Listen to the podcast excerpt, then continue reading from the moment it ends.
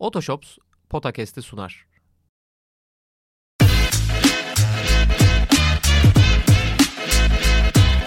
Potakest. Kaan Kural ve Orkun Çolakoğlu'yla NBA gündemine haftalık bir bakış.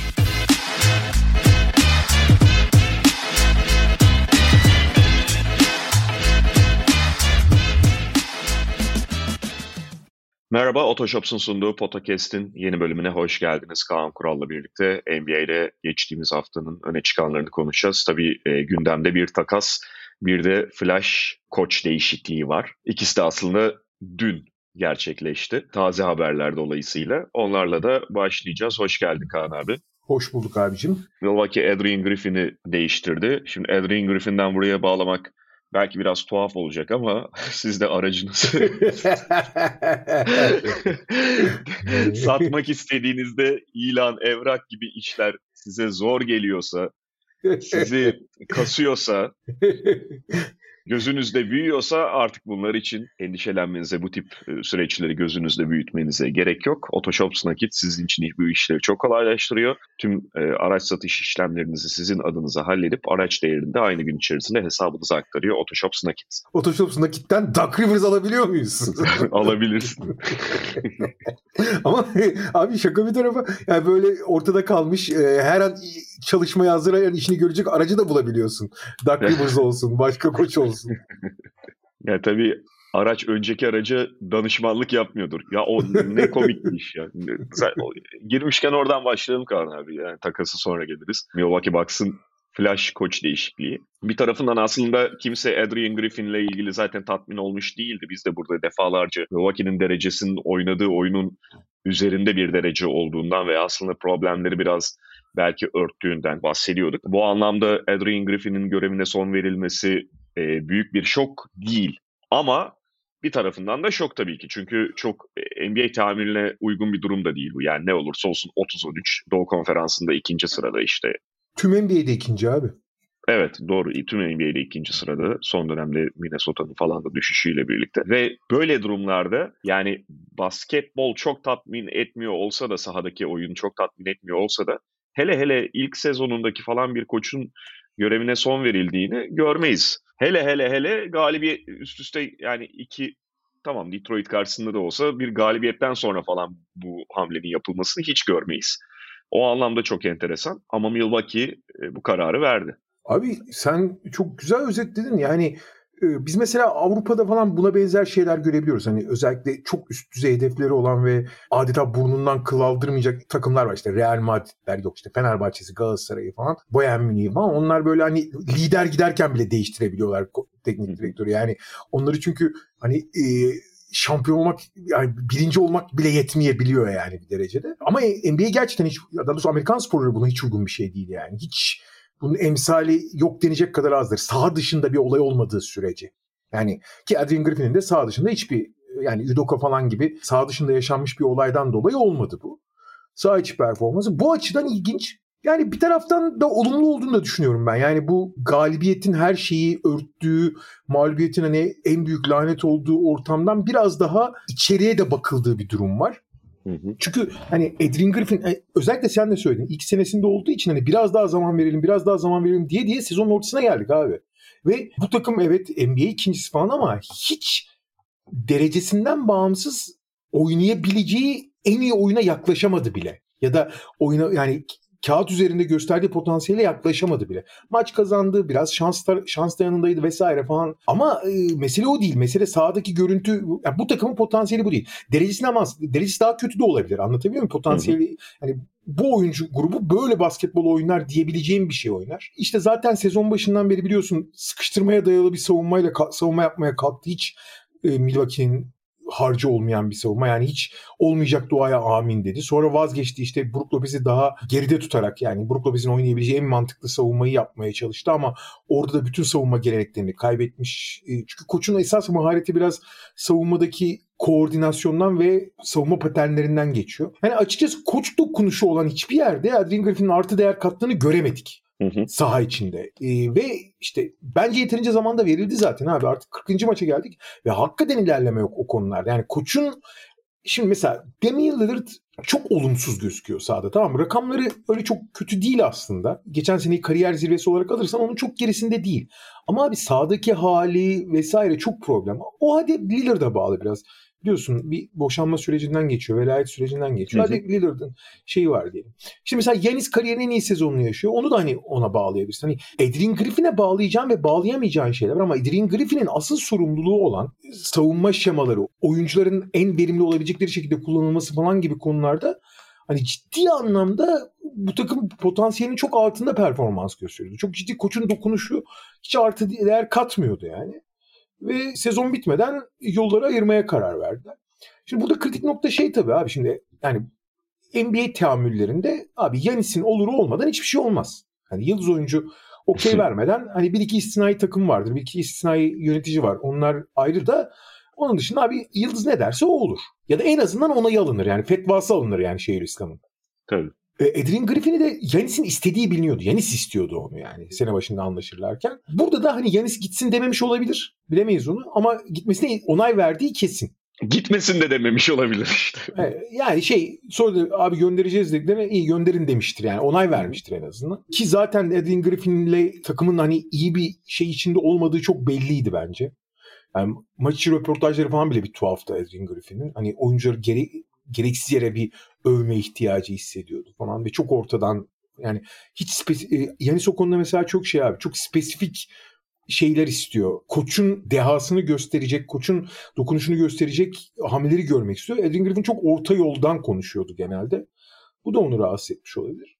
E, ve yolları ayırdılar. Yani bu takımın zaten o kadar büyük bir yatırım yapılmış durumda ki kısa vadeye ya önümüzde 2-3 senelik bir pencere var çünkü. Yani Damian Lillard'ın ve Yanis'in yani zirve yapacağı. Hadi Yanis belki 4-5 sene daha böyle gider ama e, Lillard'ın en fazla 2 senesi daha falan daha var bu seviyelerde kalacağı yani. Chris Middleton keza öyle. Yani takımın nüvesindeki Chris Middleton, Brook Lopez hepsi e, Yanis hariç kariyerlerinin artık sonbaharındaki oyuncular yani. yani e, bu iki senede bunlar şey yapılacak. Hani nereye varılırsa varılacak yani. Burada kritik konu tabii tamam Adrian Griffin evet bu takımın problemiydi. Buna da kimse itiraz etmiyor yani.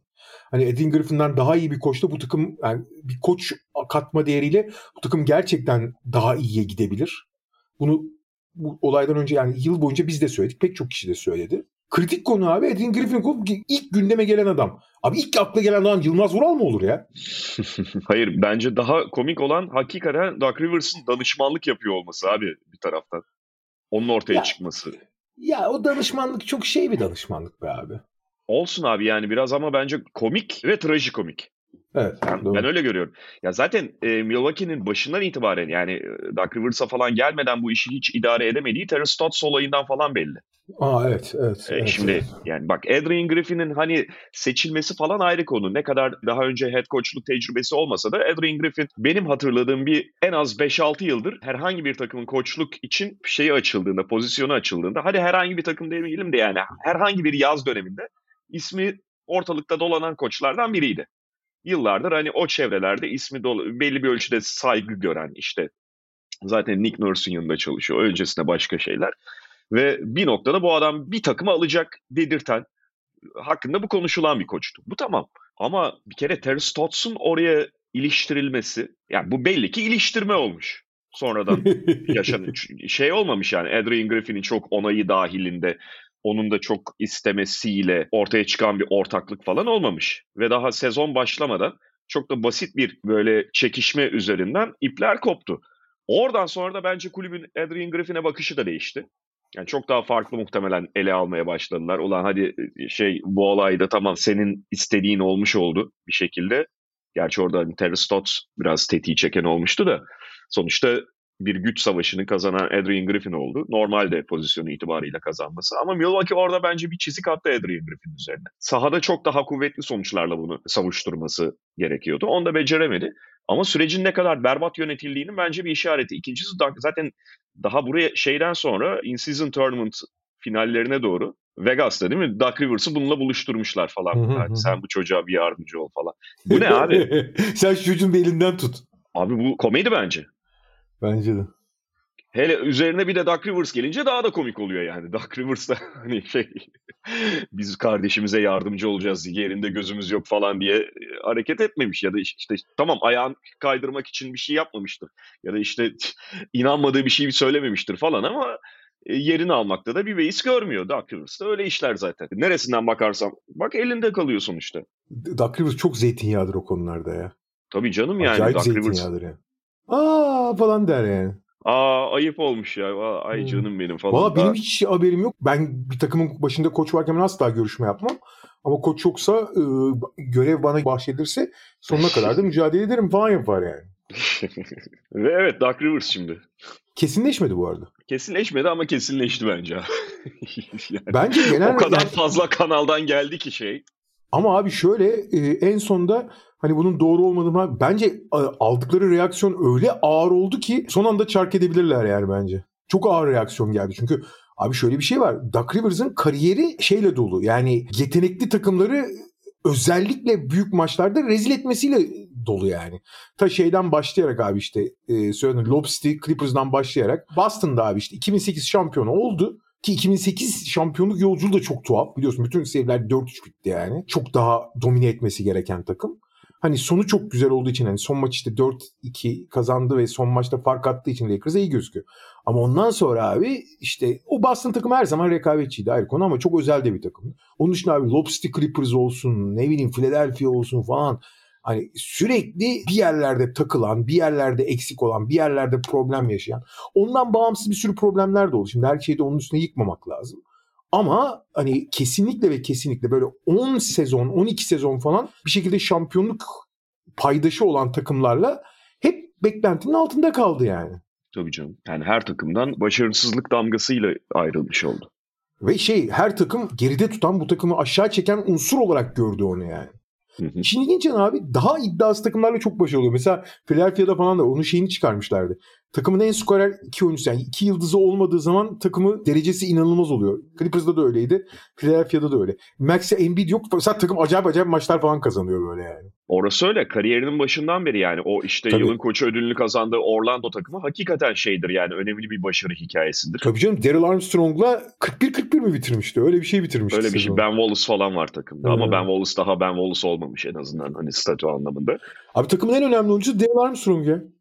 Tabii tabii. Yani o, bu da bir şeydir yani bir tesadüf olmadığını da gösterir. Gerçekten o tip takımlarla daha başarılı oluyor. Şimdi Milwaukee o forma giren bir takım değil ama en azından Milwaukee bilmiyorum çok baskı anlamında üzerinde acayip bir şey de hissetmeyebilir. Yani ne kadar bir şampiyonluk beklentisi olsa da aldığı yer itibarıyla biraz daha rahat olabilir. Kafasındaki belki değişiklikleri yapabilir. Oyuncu grubunda zaten daha fazla saygı uyandıracağı da açık. Artı hani çok çok çok eleştirilecek yönü var ki zaten kendi kariyer gidişatı yani be, yönettiği takımlar ve beklenti ölçüsündeki ulaştığı noktalar hani 1-2 sezon değil 15 sezonluk bir geçmiş var. Bu zaten Rivers'la ilgili pek çok eleştiriyi falan anlatıyor. Fakat diğer taraftan şeyi de söylemek lazım. Abi adam çok tecrübeli bir koç olduğu için yani gerek oy, senin söylediğin gibi oyuncularda uyandıracağı e, saygınlık, oyuncu iletişimi o konularda iyidir mesela oyuncu iletişimi konularında. Biraz şeydir sa- iki yüzlü ve sahtekardır yani hiç aman ağzımızın tadı kaçmasın Ali Rıza Bey gibi takılır. Yani Ben Simmons falan olaylarında falan hiçbir zaman taraf olmamıştı biliyorsun. Hani her ne ya şiş yansın ne kebap diye devam edip duruyordu. Biraz mecburiyetten ne yapsın abi oyuncuyu mu suçlasın yani. Ama hani iki yüzlü de zaman zaman çok ortaya çıkar. Yani çok durması gereken yerde hiç durmadığı için omurgasızdır yani. Ama ne olursa olsun tecrübesi tecrübeli olduğu için en azından oyuncu şey takıma zarar vermez öyle söyleyeyim. Yani takımın oyunu oynaması için doğru en temel prensipleri yerine getirip onları uygulatabilir. Rotasyon inatları falan belli açılardan eleştirilebilir. Ama şey değil. Yani işte tam Yılmaz Vural abi işte yani. ya da Hikmet Karaman ne diyorsun yani? Evet. Milwaukee'ye dair söyleyecek başka bir şey var mı diye düşündüm. Hani bu gelişmenin dışında ama zaten şey takımın yaşadığı problemlerle ilgili birçok şeyi konuşmuştuk. Hı hı. Ve başta söylediğimizi tekrarlamak gerekirse zaten hani derece anlamında şu anda bir sıkıntıları yok. 30-13'ler ama oyundaki problemlerde kazanırken dahi Milwaukee'de kendini gösteriyordu. Yani bir kere Milwaukee'nin bu 30 galibiyet içerisinde gerçekten şöyle ya bak bunlar da bir yere girdi ne kadar güçlü olduklarını şu maçla gösterdiler dedirten tarzda galibiyeti hemen hemen yok. Ya da çok çok az. E, yani mesela bir Celtics galibiyeti var ya geçen hafta ya da Abi o, Celtics o sayılmaması gereken bir maç. Aynen, Celtics maça gelmemişti o gün. Evet yani bu tamam belki Milwaukee'nin kabahati değil o gün Celtics'in o durumda olması ama ne olursa olsun onu ele alamıyorsun bir kere. İşte o tip hakikaten çok fazla galibiyeti yok. Mesela sezon başında Philadelphia'yı yendiler. Philadelphia daha sezonun başı işte Harden şeyini yeni yeni aşmaya çalışıyor. Onu da çok öyle göremiyorum. Zaten sezonun birinci günü yani ne kadar ciddiye alabilirsin. Ama bunun dışında da Detroit'leri bilmem neleri yenerken bile böyle zorlana zorlana yenen. işte Portland'a karşı evinde 20 sayı 25 sayı geriye düşen. Böyle tuhaf tuhaf maçlar oynayan bir Milwaukee izledik. İşte en son kovulmadan önceki son maçı Detroit maçı. Abi son çeyrekte ite kakazar zor kazandılar yani. Evet. Bunlar arada bir oluyor. Her takıma oluyor. Ama Milwaukee'de gerçekten frekansı çok daha yüksek durumdaydı. Peki takasa geçelim o zaman. Miami Heat zaten takas yapması e, muhtemel ya da arayışta olduğunu bildiğimiz takımlardan biriydi. Hem istikrarsızlar hem Kyle Lowry'nin performansı artık hiç onları tatmin eden düzeyde değildi. Hatta son dönemde kenardan getirmeye başlamıştı Eric Spoelstra. Ve Kyle Lowry'nin kontratı da bir takasa imkan sağlıyor. Bunun yanında verebilecekleri draft hakları vardı. Gitmesi de yani e, Charlotte tarafından gönderilmesi çok muhtemel oyunculardan biri olan Terry Rozier'ı almayı başardılar. Terry Rozier'ın başka takımlarla da ismi anılıyordu. Miami Heat onu kapmış oldu. Tabii ki yani sonuçta şöyle bir durum var. Bir oyuncuyu şu anki Kyle Lowry ile ve bir draft hakkıyla alabiliyorsanız o oyuncunun her türlü problemi de çözmediği, çözemeyeceği de ortadadır. Terry Rozier de yani o tip bir oyuncu değil ama iyi bir sezon geçiriyordu. En azından hücum anlamında gayet iyi bir sezon geçiriyordu ve Miami Heat de zaten öncelikle şu anda hücuma biraz daha katkıda bulunsun diye muhtemelen Terry Rozier'ı e, kadrosuna katıyor. Bu anlamda da tabii ki gönderdikleri Kyle Lowry'e göre ve kadrolarındaki diğer oyunculara kıyasla çok daha işlerine yarayacak bir oyuncu. Ya Miami acayip bir sezon geçiriyor yine. Abi işte sezonun çok önemli bölümünde zaten Jim Butler oynamadı. Hı hı. Tyler Hero elini kırdı. Bir ay oynamadı. Adebayo da o sırada sakatladı. Bayağı bir 2-3 hafta oynamadı. Hatırlıyor musun? Adebayo evet. yok, Hero yok, Butler yok. Fakat takım... Bunun yanında yan parçalar sürekli olarak yani biri var biri yok. Caleb Martin'in sakatlığı, Josh Richardson'ın sakatlığı işte Lowry bilmem ne yani. O tarafta da hiçbir istikrar elde edemediler. İşin ilginç yanı en istikrarlı ve açıkçası hani oyununa ciddi boyut katmış isim Duncan Robinson gibiydi ama yani o da Tamam hani alkışlarsın falan da hani nereye kadar? Hani Fakat o dönemde klasik gene ya bu Miami gene yaptı yapacağını dedirtecek bir dönem geçirdiler. Şu son 10 maça kadar falan. Yani işte yok Orlando Robinson'lar, Haywood Highsmith'ler falan işte e, Jamal Kane'ler falan oynadı. Son dönemde Nikola Jovic girdi ama o zaman yoktu da Nikola Jovic'lerle falan işte penetre eden Duncan Robinson'larla falan acayip acayip maçlar kazanıyordu ve ulan bu Miami tam kadro olana kadar gene işte çöpten bulduklarıyla orkestra kurdu durumu vardı yani. Fakat abi işte yavaş yavaş sakatlar iyileştikten sonra işte Jimmy Butler, Adebayo, Tyler Hero başrol oyuncuları geldi. Abi bir anda son 10 maçta acayip bir duvara çarptı Miami'ye. Ve öyle böyle bir duvar değil abi. Ben böyle felç olan bir hücum görmedim. Hani son derece kaliteli oyuncular geldi. Oyun e, bireysel hücum kalitesi yüksek oyuncular. Başta Hero ve Jimmy Butler olmak üzere. Fakat abi son 8 maçta 100 sayı ortalamanın altındalar biliyorsun değil mi? Direkt sayı ortalaması evet, yani. Evet. Abi yüzü geçemiyor. 88-90 falan atıyorlar yani. Ve tabii ki bu yani bir sürü parçası var. Sezona iyi üçlük atarak başlamış şu anda kötü üçlük atıyorlar da hani şut performansıyla falan bağımlı bir şey değil. Orada mesela şey Robinson'ın gelmesi daha doğrusu Tyler dönmesi Duncan Robinson'ın rolünü azalttı. O çok iyi olmadı falan gibi bir sürü hani küçük küçük detaydan bahsedebilirsin ama mesele o değil abi. Mesela total olarak böyle bir hücumsuzluk abi 2024 yılındayız ya. Yani bugün Washington falan bile daha iyi hücum ediyor yani. Nasıl bir duvara çarpmaktır inanılır gibi değil hücumda. Bu açıdan takımın hani yani bir silkinmesi gerekiyordu zaten ki silkinir. Hiçbir zaman yani hiçbir takım o kadar kötü hücum edemez. Yani bir Miami takımı da edemez. Hani bir takımın kötü bir dönemden geçtiği belliydi. Ama bu takımın gerçekten hücumda topla daha fazla oynayacak bir oyuncuya da çok ihtiyacı olduğu belliydi. Yani Kyle Lowry artık orayı zaten hiç oynayamıyor. Oynayamıyor. Oraya oynamamasını geçtim. Kyle Lowry'nin şu aşamada hiç sahaya çıkmaması lazım. Yani direkt eksi değer yazıyor. Eksik katkı veriyor. Yani e, Kyle Lowry olmadığında daha iyisin. E şimdi bu senaryoda bir tane daha topla oynayacak, topla e, hareket edebilecek kısa ve şütör bir kısa lazımdı. Takas piyasasına erken girmenin belli bedelleri oluyor genelde. Yani ne kadar erken hareket edersen satıcı o kadar şey e, tok satıcı konumunda oluyor. Yani abi anlaşalım dediğin zaman en yüksek fiyatı çekiyor. O yüzden zaten takaslar genelde takas deadline'ın son günü oluyor. Yani işte alıcılar satıcılarla pazarlığı yapıyor, yapıyor, yapıyor. Artık satıcı en son nereye inerse onu veriyorlar yani son gün. Klasik böyle oluyor bu işler. Erken davranırsan aynı mesela Pascal Siakam'da olduğu gibi satıcı ikna etmen gerekiyor. Ki işte Pascal Siakam takasında hani kontratı biten bir oyuncu için neler verildiğini de gördük. OG'nin bir takası biraz daha farklı tabii. Orada iki tarafında istediklerini çok karşılayan bir durum oluşmuştu. İşin ilginç yanı bu kadar erken hareket etmesine rağmen Miami bence görece ucuza mı dersin bilmiyorum ama beklenen ölçekte bir karşılık aldı. Yani Terry Rozier'a takas dönemi sonuna gelmeden bir takas e, yaptığın zaman sadece bir birinci tur hakkında kolay kolay alamaman gerekiyordu. Hı hı. Ki kontratı devam eden bir isim. Siakam gibi kontratı falan da bitmiyor. Bir draft hakkından fazlasını alabilirdi belki şey Charlotte. Ha şey Kyle Lowry biten kontrat gibi değerlendiriyorlar ama artık abi biten kontratların çok bir kıymeti kalmadı biliyorsun. Yani işte takımdan hani istemediği çok kötü bir kontratı yollamış olsaydı Kyle Lowry karşısında beraber yani Terry Rozier ile birlikte ha anlaşabilirdi. Mali bir çıkar da sağlıyorsun diye. Burada çok ciddi bir mali bir çıkar da yok. Ben açıkçası yani Miami'nin gene Charlotte'ı şu aşamada biraz dolandırdığını düşünüyorum. Evet işte Rozier'in yani hakkı birinci tur draft hakkıdır diyebilirsin. Hı hı. Ee, ama şu aşamada yani bu kadar erken yapacaksan şeyi anlaşmayı bir ekstra bir şey daha rahatlıkla alabil- alması gerekiyordu bence Charlotte. Evet ya orada şey önemli tabii yani işte hassas dengeler de 2027 hakkı e, lotarya korumalı. Hı hı. Yani Miami lotaryanın içerisinde kalırsa Charlotte'a gitmiyor. Fakat genelde bu lotarya korumalı haklar şöyle azalır yani lotarya korumalı işte ne bileyim İlk 8 on korumalı. korumalı, Hı. 5 korumalı, Hı. 3 korumalı diye azalarak biter. Bunda lotarya korumalı 2028 tamamen korumasız. Yani orada esasında Charlotte bence bunları hesap etmek özellikle bugünün NBA'inde tam bir şey en azından hesap yapıp projeksiyon oluşturmak çok kolay değil ama 2028'i düşürürse o hakkı ve 2028'de Miami bekledikleri gibi olursa o çok değerli hale gelecek. Ama 2027'de playoff yapıp işte 20. sıralardan falan bir draft hakkıyla halletmiş olabilir. Çünkü Terry Rozier abi. Tabii o da olabilir.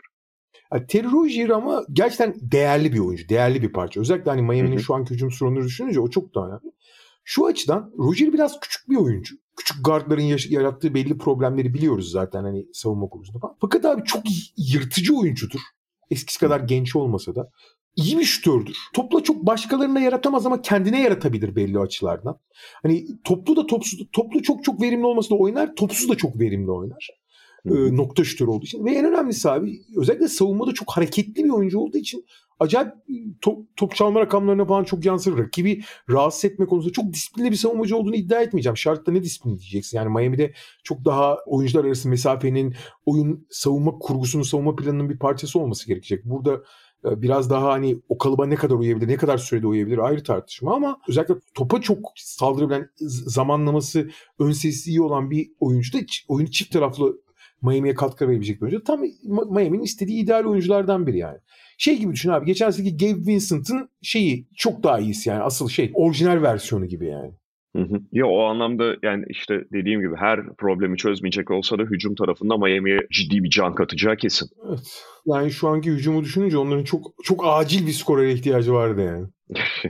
Ve yani şu da var tabii. Miami Heat hakikaten yine çok istikrarsız bir sezon geçiriyor olsa da bir şekilde 6. sırada ve play-in'in üzerinde en azından kalabilir. Belki bunun altının da, da- da üzerine işte Rozier'dan sonra biraz daha sağlıklı da kalabilirlerse belli bir istikrar kazanabilirler. Sonuçta yukarı tırmanma ihtimalleri de var. Her ne kadar Knicks ve birazdan konuşacağımız Cleveland'da iyi gitse de. Ama sıradan bağımsız olarak onlar zaten öncelikle bir istikrar sağlamak, istikrar kazanmak istiyorlar. Ondan sonra yine zaten playoff'ta hani tekinsiz takım, herkesin çekindiği takım haline gelebilirler.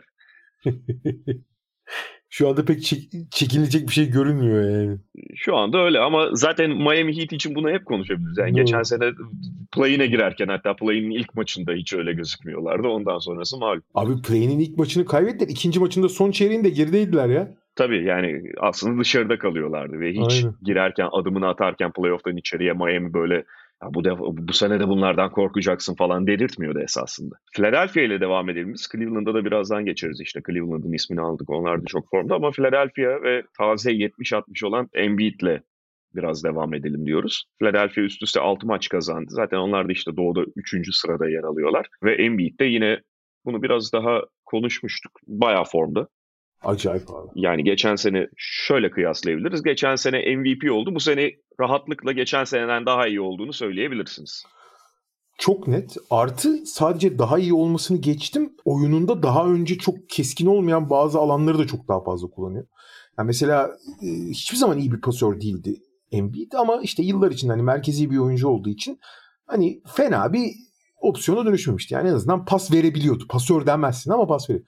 Ama bu sene ciddi anlamda hücumun merkezinde oynuyor. Yani o yüksek posta tabii e, yüksek posta oynayabilmenin şöyle avantajları var.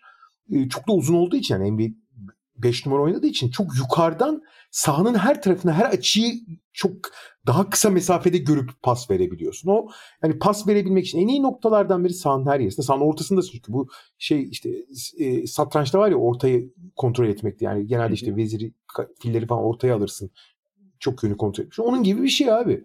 Yani orada e, merkezdeki kuleden bütün adresleri buluyorsun. Ve takım zaten Embiid'in oradan orada oynaması üzerine kurgulanmış. Topsuz katları oradan gelecek e, paslara göre çok kurguladığı için işte Maxi gibi o Maxi süratiyle Tobias Harris pozisyonuyla e, onları aldığı için e, bu Embiid'in hayatını çok kolaylaştırdı. Pasla bir şey üretmesini. İşte bu ters pick and roll oynuyorlar. Daha doğrusu pick and roll değil, roll and pick yapıyorlar. O çok acayip abi. Embiid içeri bir şekilde devriliyor perde yapmadan. Topu veriyorlar. Sonra depar atıyor mesela Tyrese Maxey ona veriyor tekrar. Yani aynı hızda gelemediği için savunmacı. Çok acayip o. Yani pick and roll değil tersini yapıyorlar. Roll and pick gibi. Daha önceki görmediğim pasörünü görüyor. Artı abi zaten Embiid biz yani çok önemli maçlarda görmüştük. Embiid istediği zaman olağanüstü bir savunmacı olabiliyor. Ama çoğu zaman istemiyor. İstemiyor mu dersin yoksa gücünü hücuma mı saklıyor dersin. Pek yapmıyor ama bu sene mesela çok daha yüksek savunma konsantrasyonunda. Hı hı. Sahada olduğu her dakika kendi veriyor diyemem ki veremez de zaten. Hücumda 70 atan adamın savunmada da aynı konsantrasyonu göstermesini bekleyemezsin. Bir enerji limiti var oyuncunun yani kendini zorlayabileceği. Ama oyunda olduğu sürenin önemli bir bölümünde de savunma görevini hiç aksatmıyor. Hatta çok ciddi caydırıcı bir unsur oluyor tek başına pota altında olduğu zaman. Bu da e, onun hani işte mesela Yanis'le ve Jokic'le arasındaki en önemli farklar oydu. İşte son yıllarda NBA'nin en iyi oyuncusu, MVP tartışmasında rakip olduğu oyuncuları düşünürsen Yanis hep hani oyunu çift taraflı oynamasıyla ve savunma tarafıyla da biraz fark yaratıyordu. Şimdi Embiid de bunu yapabiliyor. Yanis kadar iyi savunmacı olduğunu iddia etmeyeceğim ya da Yanis kadar sahada olduğu her dakika yaptığını. Ama çember savunucu olarak hani hakikaten çok etkili adam. Yani ligin en etkili oyuncularından biri savunmada. Yani Yanis'le o fark ortadan kaldırdı. E yok için işte pas özelliği çok daha büyük fark yaratıyordu. O, oradaki makas da daralttı. Esas abi en iyi yaptığı şey olan muhteşem skorerlik konusunda ise tarihi bir seviyeye geldi ya. Abi şu anda şimdi e, biz genelde sayı krallığını nasıl e, hesaplıyoruz? Sayı ortalaması değil mi? Oynadığı maçta kaç sayı atıyor maç başına? Evet. Ve buradaki listede de zaten Embiid acayip bir şeydi. 36.1'e geldi galiba. 36.1 sayıyla birinci. Fakat başka bir istatistik var abi. Oynadığı dakika başına attığı sayı. Embiid abi bu sene 32 maç mı 31 maç mı oynadı? Abi 10 tanesini son çeyreğinde oynamadı biliyor musun? Yani maçı çoktan çok kopardıkları Hı-hı. için Son çeyreklerde yattı yani. Normalde işte 34-35 dakikalar oynayacak adam 30 dakika 29 dakika falan oynadı. Ve zaten modern basketbolda artık 35 dakikanın üzerine kimse çıkmıyor. 40 dakikaları kimse bulmuyor. Abi o Will Chamberlain'in efsane sezonu var ya 61-62. 50 sayı 50.4 sayı ortalamayla oynadığı sezon. Dakika başına ürettiği sayı şu anda Embiid'in daha fazla biliyor musun? Doğrudur olabilir. Ya inanılmaz bir şey bu yani. Hakikaten inanılmaz. Hani sahada o, o sene 48,5 dakika ortalama oynamıştı Will bence tarihin en kırılamayacak rekoru budur bu arada. Hani NBA'de bir sürü son rekor var ama bundan... Yani bugünden bakınca gayet anlamsız gözüken bir şey zaten. Hayır, anlamsız derken o şey onu küçümsemek anlamında demiyorum ama bugün öyle bir şey yapılamaz. Yapılmaya gayret Abicim, bile e, gösterilmez. 82 maçın 81'inde 40 yani tam maçı oynuyor. Bir maçta 6 foul dışarı yani uzatmalar da olduğu için 48'in üstüne çıkıyor zaten. Evet. Sadece bir maçta tamamını oynamıyor. O da 6 foul oyun dışında kalıyor. Hı hı. 6 dakika mı kalır mı ne? Yani inanılmaz bir şey. O maçta ise o sezon 48,5 dakika ortalama oynayıp 50.4 sayı attı. Şu anda Embiid 34.1 dakika mı 34.2 dakika mı yani 36.1 abi. Oran, oranın daha fazla abi Embiid'in şu anda. Oynadığı dakika yani dakika başına attığı sayı itibariyle. Ee, ve zaten şu aşamada serbest satış çizgisi bölgesinde yani asıl operasyon yaptığı alan onun. Hani şut attığı veya işte hı hı. pas dağıttığı veya penetre, oradan penetre ettiği, potaya yöneldiği yerler. O bölgeden şey gibi abi. Ya, turnike atar gibi şut atıyor abi. Pek çok oyuncunun pota dibi bitirişinden daha yüksek yüzdeyle bitiriyor oradan zaten. Hı hı. Hani e, Embiid fiziğini de kullanıyor tabii zaman zaman. Ama çoğu zaman bu şutu daha çok yani bu ana silah olarak bu şutu belirlemiş. Abi potaya gitse de bir şey fark etmiyor ki. Yani smaçtan hallice zaten o atış onun için. Ben şunu söyleyeceğim yani sen zaten çok güzel açtın abi istatistiklerini hani e, tarihsel bir boyuta da koymuş oldun. Fakat bununla birlikte abi şu San Antonio maçı yani 70'lik maç diyeyim. bu sezon bana göre bana göre Embiid'in bu sezonki en iyi 5 performansından biri olmayabilir. Ee, yani emin yani olabilir yani, bilemiyorum. Abi şöyle çok otomatik atıyor ya. Tabii ki çok otomatik atıyor ama abi sürekli aynı şey atıldı ve yani rakip hiçbir şeyi değiştirmedi. Tamam hani bilmiyorum Greg Popovich belki şey olarak baktı yani ulan zaten double team getirsem öbür taraftan yer alacağız falan da. Abi yani e, şeye benziyordu hani maç öncesi oyuncular maçtan bir buçuk saat önce erken gelip tane yardımcı antrenörle ısınırlar ya. Hı hı. Kısa bir tane adam yani onlara göre çok kısa kalan bir tane adam böyle e, şey elini uzatır. Bir nevi savunma şeyi gibi. Ve onun üzerinden şut atılır durulur. Ona benziyordu abi. Sürekli Zach Collins'in üstünden tık tık tık tık serbest atış çizgisine aynı şutu atıp durdu Embiid. İşin ilginç yanı maçın başında Wembanyama tutuyordu. Wembanyama tabii Wembanyama iki kere Orada da attı evet. Üstüne gidip böyle Wembanyama'yı savurduğu için belki o eşleşmeyi tutmak istemediler ama mesela Wembanyama o şutları en e, durdurması teorik olarak en uygun isim aslında çok uzun olduğu için yani. Tabii e, 70 sayı her şeyi gölgelediği ve herkes ondan bahsettiği için çok göz ardı edildi ama Wembanyama da muhteşem bir maç oynadı o maçta. Hı hı. Yani benim şey 70 sonuçta abi hani ne olursa olsun o maç sonuna kadar o istikrarı göstermesi işte falan da önemli. Fakat ben bu kadar böyle 70 sayı gibi gözükmeyen e, daha etkileyici bırak 60'ı 50'yi çok kırık falan görmüşümdür. Bu ne ya falan diye izledim bütün maçı. Sonuçta tabii 70 yani rakibin kalitesinden, rakibin gücünden bağımsız tek başına bir şey uyandırıyor ama dediğim gibi ben Embiid'in bu sezonki ilk 5 maçı arasına bile girmeyebileceğini düşünüyorum. Yani olabilir. Yani özellikle işte rekabetçilik düzeyi falan düşünüldüğü zaman daha iki gün bu arada iki gün önce de Yokuş'a karşı muazzam bir maç oynadı. Ha işte e, bence mesela onlar daha değerli ve şey yani başka maçlarda Embiid bütün repertuarı ortaya serebiliyordu. Sonuçta onu da gerektiriyor. Mesela bu San Antonio maçı öyle bir maç olmadı. Ama işte senin en başta söylediğin abi adam geçen sene MVP oldu. Bu sezon net bir seviye daha iyi oynuyor. Abi oyununda zayıf demeyeyim ama daha az verimli olduğu alanlar savunma ve organi yani pas organizasyonu, hücum organizasyonu konusunda ciddi bir hatta bir buçuk adım ileri attı. Asıl iyi yaptığı şey olan skorerlikte ise daha da iyi yani. Hani daha nereye gideceksin abi dedirtiyor. Yani tek tabii can sıkıcı nokta var.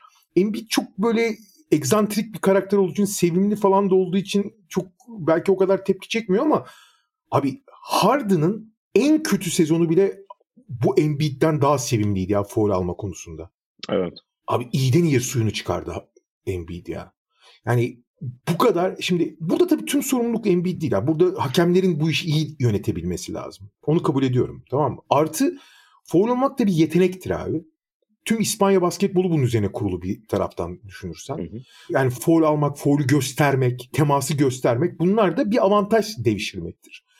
Ama abi hakemleri ve sistemi yanıltıp kendine hileli ve hak edilmemiş bir avantaj devşirmek o başka bir şey oluyor abi. O hakikaten başka bir şey oluyor yani. Ha mesela Harden çok eleştiriliyor birçok konuda. Harden mesela ben hep söylüyorum abi Harden benim için e, son 30 yıldaki tek gerçek deha basketboldaki.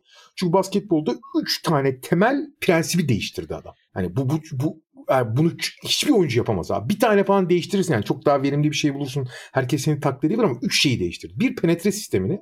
Hı hı. Bu gather step denen işte hani sıfırıncı adım muhabbeti var ya. Hı hı. Kuraldaki o sıfırıncı adımı öyle bir esnetti ki hani Abi çoğu zaman şeydi biliyorsunuz Harden'ın o 2016-17'de falan şey ağır çekimde tartışılıyordu bu steps midir değil midir diye. Çünkü topu sıfırıncı adım atarken ilk adımı atıyordu o topu tutana kadar havadayken top. Yani topu yolluyor. Top yerden sikip eline gelene kadar ilk adımı atıyordu. O gather step kabul ediyor ama fazla adım atıyorsun. Adam resmen oyunun şeylerini zayıflıklarını yani kuralların zayıflıklarının üzerine gidiyordu. Penetreyi mesela asla ve asla foul almak için çok eleştiriliyor. İşte foul almaya çalışıyor. Sürekli kafasını geriye atıyor. İşte hakemleri kandırıyor falan diye. Evet bu var bunu yapıyor. Yani hiçbir şekilde savunmayacağım onu. Fakat orada temelde şöyle bir çıkış noktası vardı Harden. Harden abi penetreyi hiçbir zaman turnike atmak için yapmıyordu abi. Foul almak için penetre ediyordu. Şimdi bu çok ahlaksızca bir şey tamam mı aslında? Ama abi olmayan bir şeyi yani birilerini kandırarak, birilerini yanıltarak kendi avantaj devşirmeye çalışıyor. Birilerini tuzağa düşürerek çirkin bir şekilde avantajı devşirmeye çalışıyor. Daha kabasını falan atması, çok abartması temasları, bazen olmayan teması göstermeye çalışması evet bu şeye girer, aldatmaya girer. Ama dikkat edersen abi penetre ederken Harden'ın acayip bir numarası vardı. Topu çok aşağıya indirip kolunu çok uzatıyordu. Yani normal bir penetre hareketi değil o. Bu otomatikman iyi savunma pozisyonunda olmayan oyuncular elini uzattığı anda topa direkt koluna vuruyorlar. Topu çok ileride tuttuğu için. Hı hı. Bunu yapıyordu. Yani potaya gidiyorum turnike atmak için değil, foul almak için. Penetreye başlarken gather step'te ilk adımı atıyorum top elime gelmeden. Ve tabii ki step back yani o bence en büyük şeyi onun. Yani basketboldaki en temel vasfı e, değiştirdiği ana unsur bu. Ve bunların üçü de abi pek çok kişinin uygula, şu anda uyguladığı şeyler. Pek foul almak için potaya giden az ama foul almayı önceliklendiren daha fazla oluyor. Yani foul alalım ondan sonra bitiririz diye bakıyorlar. Neyse. Ama Harden abi acayip eleştirilirken Embiid bugün abi birinin kendisine dokunduğunu hissettiği anda bir, bir dokunuş hissettiği anda kendi yere bırakıyor. Bazen geçen şey vardı abi. Tobias Harris handoff oynadılar bir tane arkadan. Perdeden çıkarken içeriden döndü. Embiid'e sürtünerek döndü. Embiid kendi yere bıraktı. Biri bana dokundu diye. Tobias Harris geçerken dokundu. Abi bu şey var bir tane 3 gün 4 gün önce bir Orlando maçı var. Goga Bitatsi'de 5. foul'u aldığı pozisyon. Çıldırdı Evet, Orlando. evet. Hı hı. Yani hani spesifik tek pozisyon üzerinden konuşacağım ama abi Embiid'in sürekli kendini yere bırakması falan artık hakikaten gına getirdi. Ya böyle e, hep Harden'da dalga geçiyorlar da kafayı geriye atıyor diye foul olduğu zaman. Bu direkt kendini yere bırakıyor. Bir de devasa bir adam olduğu için böyle lambur lumbur bir de çok usturuplu düşüyor tamam mı? Çok, çok- numarası da çok basit abi. Dokunulduğu anda ayaklarını hafif yana çekip böyle hop diye poposunun üzerine düşüveriyor tamam mı? Sanki ayaklarının alt, ayaklarının altından halı çekilmiş gibi. Anlatabiliyor muyum? Hı hı. Bunu yapıyor ve abi o devasa adam dev kütlesiyle yere düşünce hakemler otomatikman bir refleksle ulan bu koca adam nasıl yere düşer diye bakıyorlar olaya. Onu da söyleyeyim abi. Bir o bir de Jalen Brunson abi. Acayip ayar olmaya başladım ya. Jalen Brunson da korkunç o konuda yani. Ve yani bu Harden Embiid düzeyindekilerinki oyunu esnetme değil artık oyunu bükme oluyor. Bükmeden çok abi şey e, olmayan bir şeye avantaj yani ol yani sahte sahte bir avantaj devşirme bu. E, ve şimdi burada işte yani NBA yönetimi, hakemler abi bunun önünü almazsan ve ya da buna göre neyse ne hani ihlal ya da şey bu faulü almaman gerekiyor tamam çalmayacağım itiraza falan boyun eğmeyip eğer olması gerektiği gibi yönetmezsen ya da oyuncunun niyetini anlamazsan ondan sonra bu böyle esnetiliyor esnetiliyor işte bükülmüş oluyor bir noktada da. Ve şey oluyor işte bak yine o San Antonio maçı yani zaten karşısında Wembanyama dışında onun fiziğine cevap veremeyen oyuncular var. Yakında duramıyor oyuncu. Yani olması gerektiği kadar yakın durmaktan ürküyorlar. Çünkü faul olacak. Biraz temasla falan oynamaya çalışsa rakip savunmacı kim olursa olsun yani Zach Collins olsun başka maçta başka X biri olsun. Biraz uzak durayım aman temasta bulunmayayım falan. E zaten adam yani bu düzeyde Embiid de değil sadece. Bu düzeyde oyuncunun ihtiyacı olan o kadarcık bir mesafe oluyor ondan sonra. O şutu rahat kaldırabildiği anda geçmiş olsun abi. Bu defa yani başka bir böyle yumuşaklığa izin vermiş oluyorsun. Hani serbest atış çizgisine gitmese dahi. Buna yol açmış oluyorsun. Benim de rahatsız olduğum bir konu. Ama mesela Harden'da da ben her playoff'un Harden'ın kariyerinde hayal kırıklığıyla, başarısızlıkla bitmesinde bir etkisi olduğunu düşünürüm. Keza Embiid'de de sakatlıklarla birlikte, yaşadığı sakatlıklarla birlikte bence bu ciddi bir dezavantaja dönüşüyor playoff'larda. Doğru, doğru, doğru ve onun da mesela gene bak Harden'da çok paralellik var o açıdan. Mesela Harden'da playoff'taki haklı olarak bu arada sönüp gitmesi yani bazen biraz abartılıyor Harden'ın playoff başarısızlıkları ama çok başarısız olduğu ortada ve en önemlisi playoff serilerinde hep geriye gitti abi. Yani iyi başlayıp hep kötü bitirdi çoğunu yani. Hani bir tane bile seri ilerledikçe iyi oynayan Harden neredeyse hiç görmedik. Çok değişti. Ama mesela abi Embiid'in de kariyerinde doğru düzgün bir tane playoff yok. Öyle. Yani kendi standartlarında bir tane bile playoff oynamadı. Ama o çok daha az eleştiriliyor ama yakın artık oklar ona dönecektir. Ama hani e, bu arada aldığı foul'lerin hepsini hile yaparak falan almıyor. Çoğu foul zaten. Tabii ki, Çok iyi tabii gösteriyor. Çok iyi gösteriyor olanları. Sadece aradan 3-4 tane de maç başına 2-3 tane kaç taneyse artık manipüle edip abarttığı, iyi sattığı foul'ler dışında hayali hayali ihracat da yapıyor onu diyeyim. Yani pahalı satıyor, yani kolay iyi satıyor, pahalı satıyor. Bazen hayali ihracat yapıyor onu da söyleyeyim. Ama hani çıktığı seviyede akıl alır gibi değil. Ee, Keza Philadelphia'nın da yani e, Nick Nurse bence çok iyi bir iş yaptı gerçekten. e, ben hiç tahmin etmiyordum. Yani oyunu çok basit. Nick Nurse Toronto'da oyunu karmaşıklaştırarak büyük bir başarı. Şampiyonluk elde etti. Daha sonra o Toronto takımlarına rekabet çıkıldı. Gerçi sonunda e, son sezonu çok iyi olmadı ama oyunu daha da karmaşık hale getirdik. İşte 2-3 kombine savunmalar işte geçen sene abi Toronto bir ara sezonun ortasına gelmiştik. Ligin en az top kaybeden, ligin en çok top kaybını zorlayan takımıydı. Bu inanılmaz bir kombinasyon abi. Hakikaten inanılmaz kombinasyon. Acayip savunma şemaları, farklı beşler falan derken oyunu karmaşıklaştırarak bir şey sergiliyordu. Koştuk performansı. Burada da oyunu basitleştirerek inanılmaz bir performans sergiledi yani. Hakikaten çok basit oynuyorlar. Boston'la birlikte en basit oynayan takımlardan biri. Hücum sistemleri anormal basit yani. Ama basit iyidir abi eğer efektifse yani. Tabii canım. Peki son bölümde de biraz Cleveland Cavaliers konuşalım. Çünkü onlar da sessiz sedasız yani başka takımlar takaslı bilmem neydi farklı gündemlerle ilgiyi üzerine çekiyorken ya da işte e, en tepedeki takımlar zaten e, en tepede olmaları itibariyle biraz daha dikkatleri üzerine topluyorken Cleveland Cavaliers biraz daha aşağılarda herhangi bir böyle transfer gündemi falan da en azından şimdilik yok ve eksikleri de olmasına ciddi sakatlık, eksik problemleri yaşamasına rağmen üst üste 8 maç kazandı. Ee, Doğu'da 4. sıradalar ve yani bu takım yine bir şekilde ligin en iyi savunma takımlarından biri. Bickerstaff'le ilgili çok fazla eleştiri oldu, olacaktır. Playoff'ta belki yetersiz kalıyor, daha iyi hücum gerektiğinde falan ama istikrarlı olarak bir savunma çizgisini hep bu takımın görmesi ve geçmesi de cidden saygıyı hak ediyor. Yani özellikle bu sezon. Çok haklısın abi. Son 16 maçın 13'ünü kazandılar. Hani hakikaten e, ve takım en önemli 4 oyuncusundan ikisi sakat abi bu dönemde. Hı hı. Bu acayip bir şey gerçekten. Dört tane temel oyuncu var. ikisi sakat. Sezon başında biliyorsun Struz sezona çok iyi girmişti. Sonra kendisine haber alınamadı. Yaklaşık bir buçuk aydır falan kayıp Struz. Hı hı. Hani o cuk oturdu deniyordu.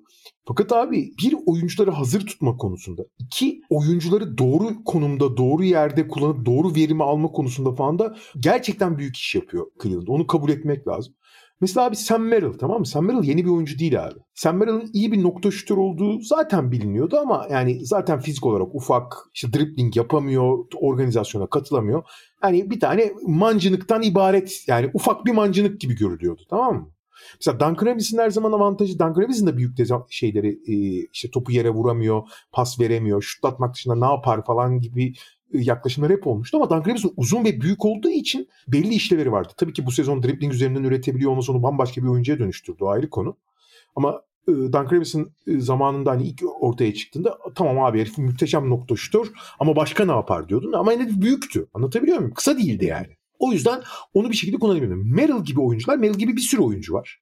Çok sayarsın yani. İşte çok iyi nokta şutör ama başka da ne işe yarar? Abi işte onu işe yarayacak şekilde kullanabilirsen ve o oyuncunun da tabii biraz daha özveriyle en azından sistemin bir parçası olabilmesi lazım ki o konuda Merrill'de küçümsememek lazım. Hakikaten mesela ne zaman sorulsa Abi ben hani iyi bir savunmacı olmayabilirim ama kimse beni savunmada teslim alamaz. Ben teslim olmam diyor. Yenile, beni yenebilirler ama teslim olmam diyor mesela. Hakikaten mücadele ediyor falan. Evet dribbling üzerinden hemen hemen hiçbir şey yapamıyor ama zaten onu tamamen topsuz ve bitirici konumda kullanmaya çalışıyorsun.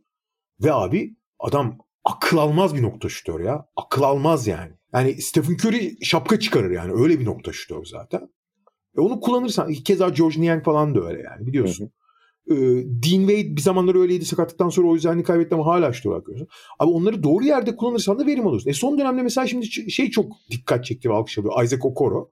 Abi Isaac Okoro geçen sene tefe, tefe konan adamdı biliyorsun. Bu takım ulan bu takımda gerçek bir üç numara olaydı. Bu Isaac Okoro'ya kalmayaydı görürdük neler olacağını falan diye. Onun da özgüveni çok yıpranmıştı. Çok kötü de oynuyordu evet.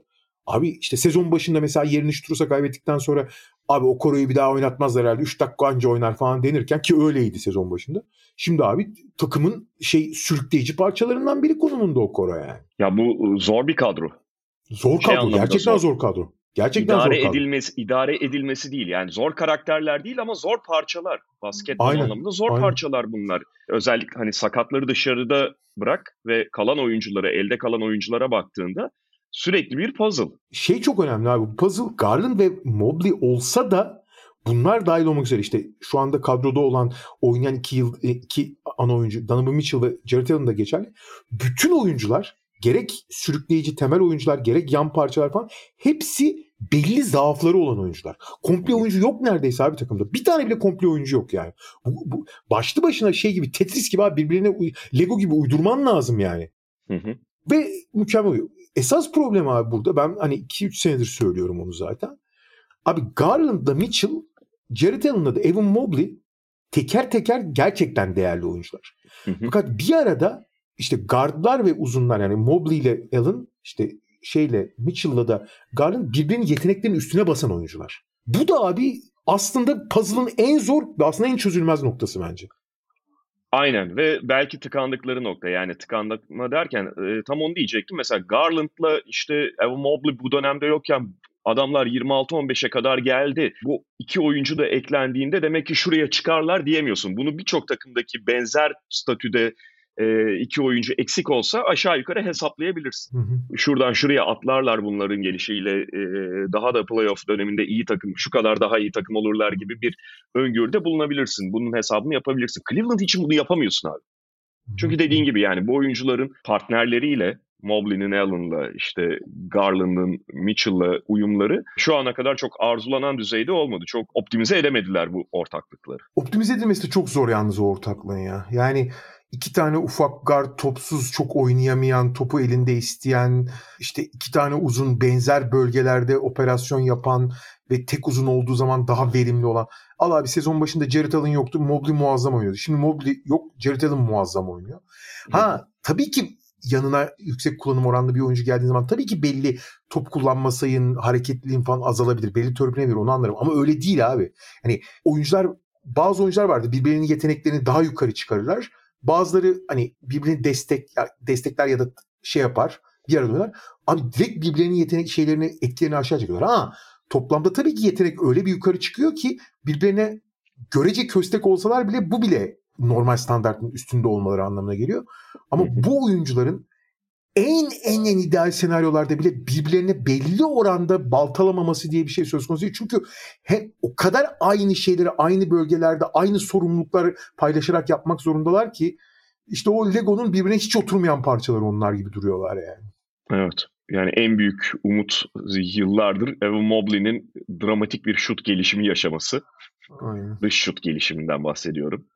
3 ee, sayı çizgisinin gerisinde bir dramatik gelişim yaşaması ama o da şu ana kadar gerçekleşmedi. Hiç gerçekleşmedi. Hatta bu sene geriye gittiği söylenebilir. Ha bir de şey beklentisi var tabii. Mitchell veya Garland'dan birinin 8-9 santim uzayıp 15-20 kilo daha alması gibi bir şey var. O da bu yaştan sonra zor. Bu yaştan sonra biraz zor gibi gözüküyor. Peki. Ya kilo e... almak kolay da boy uzaması biraz problem. boy zor abi. ya çocukları aslında baskete başlatsak.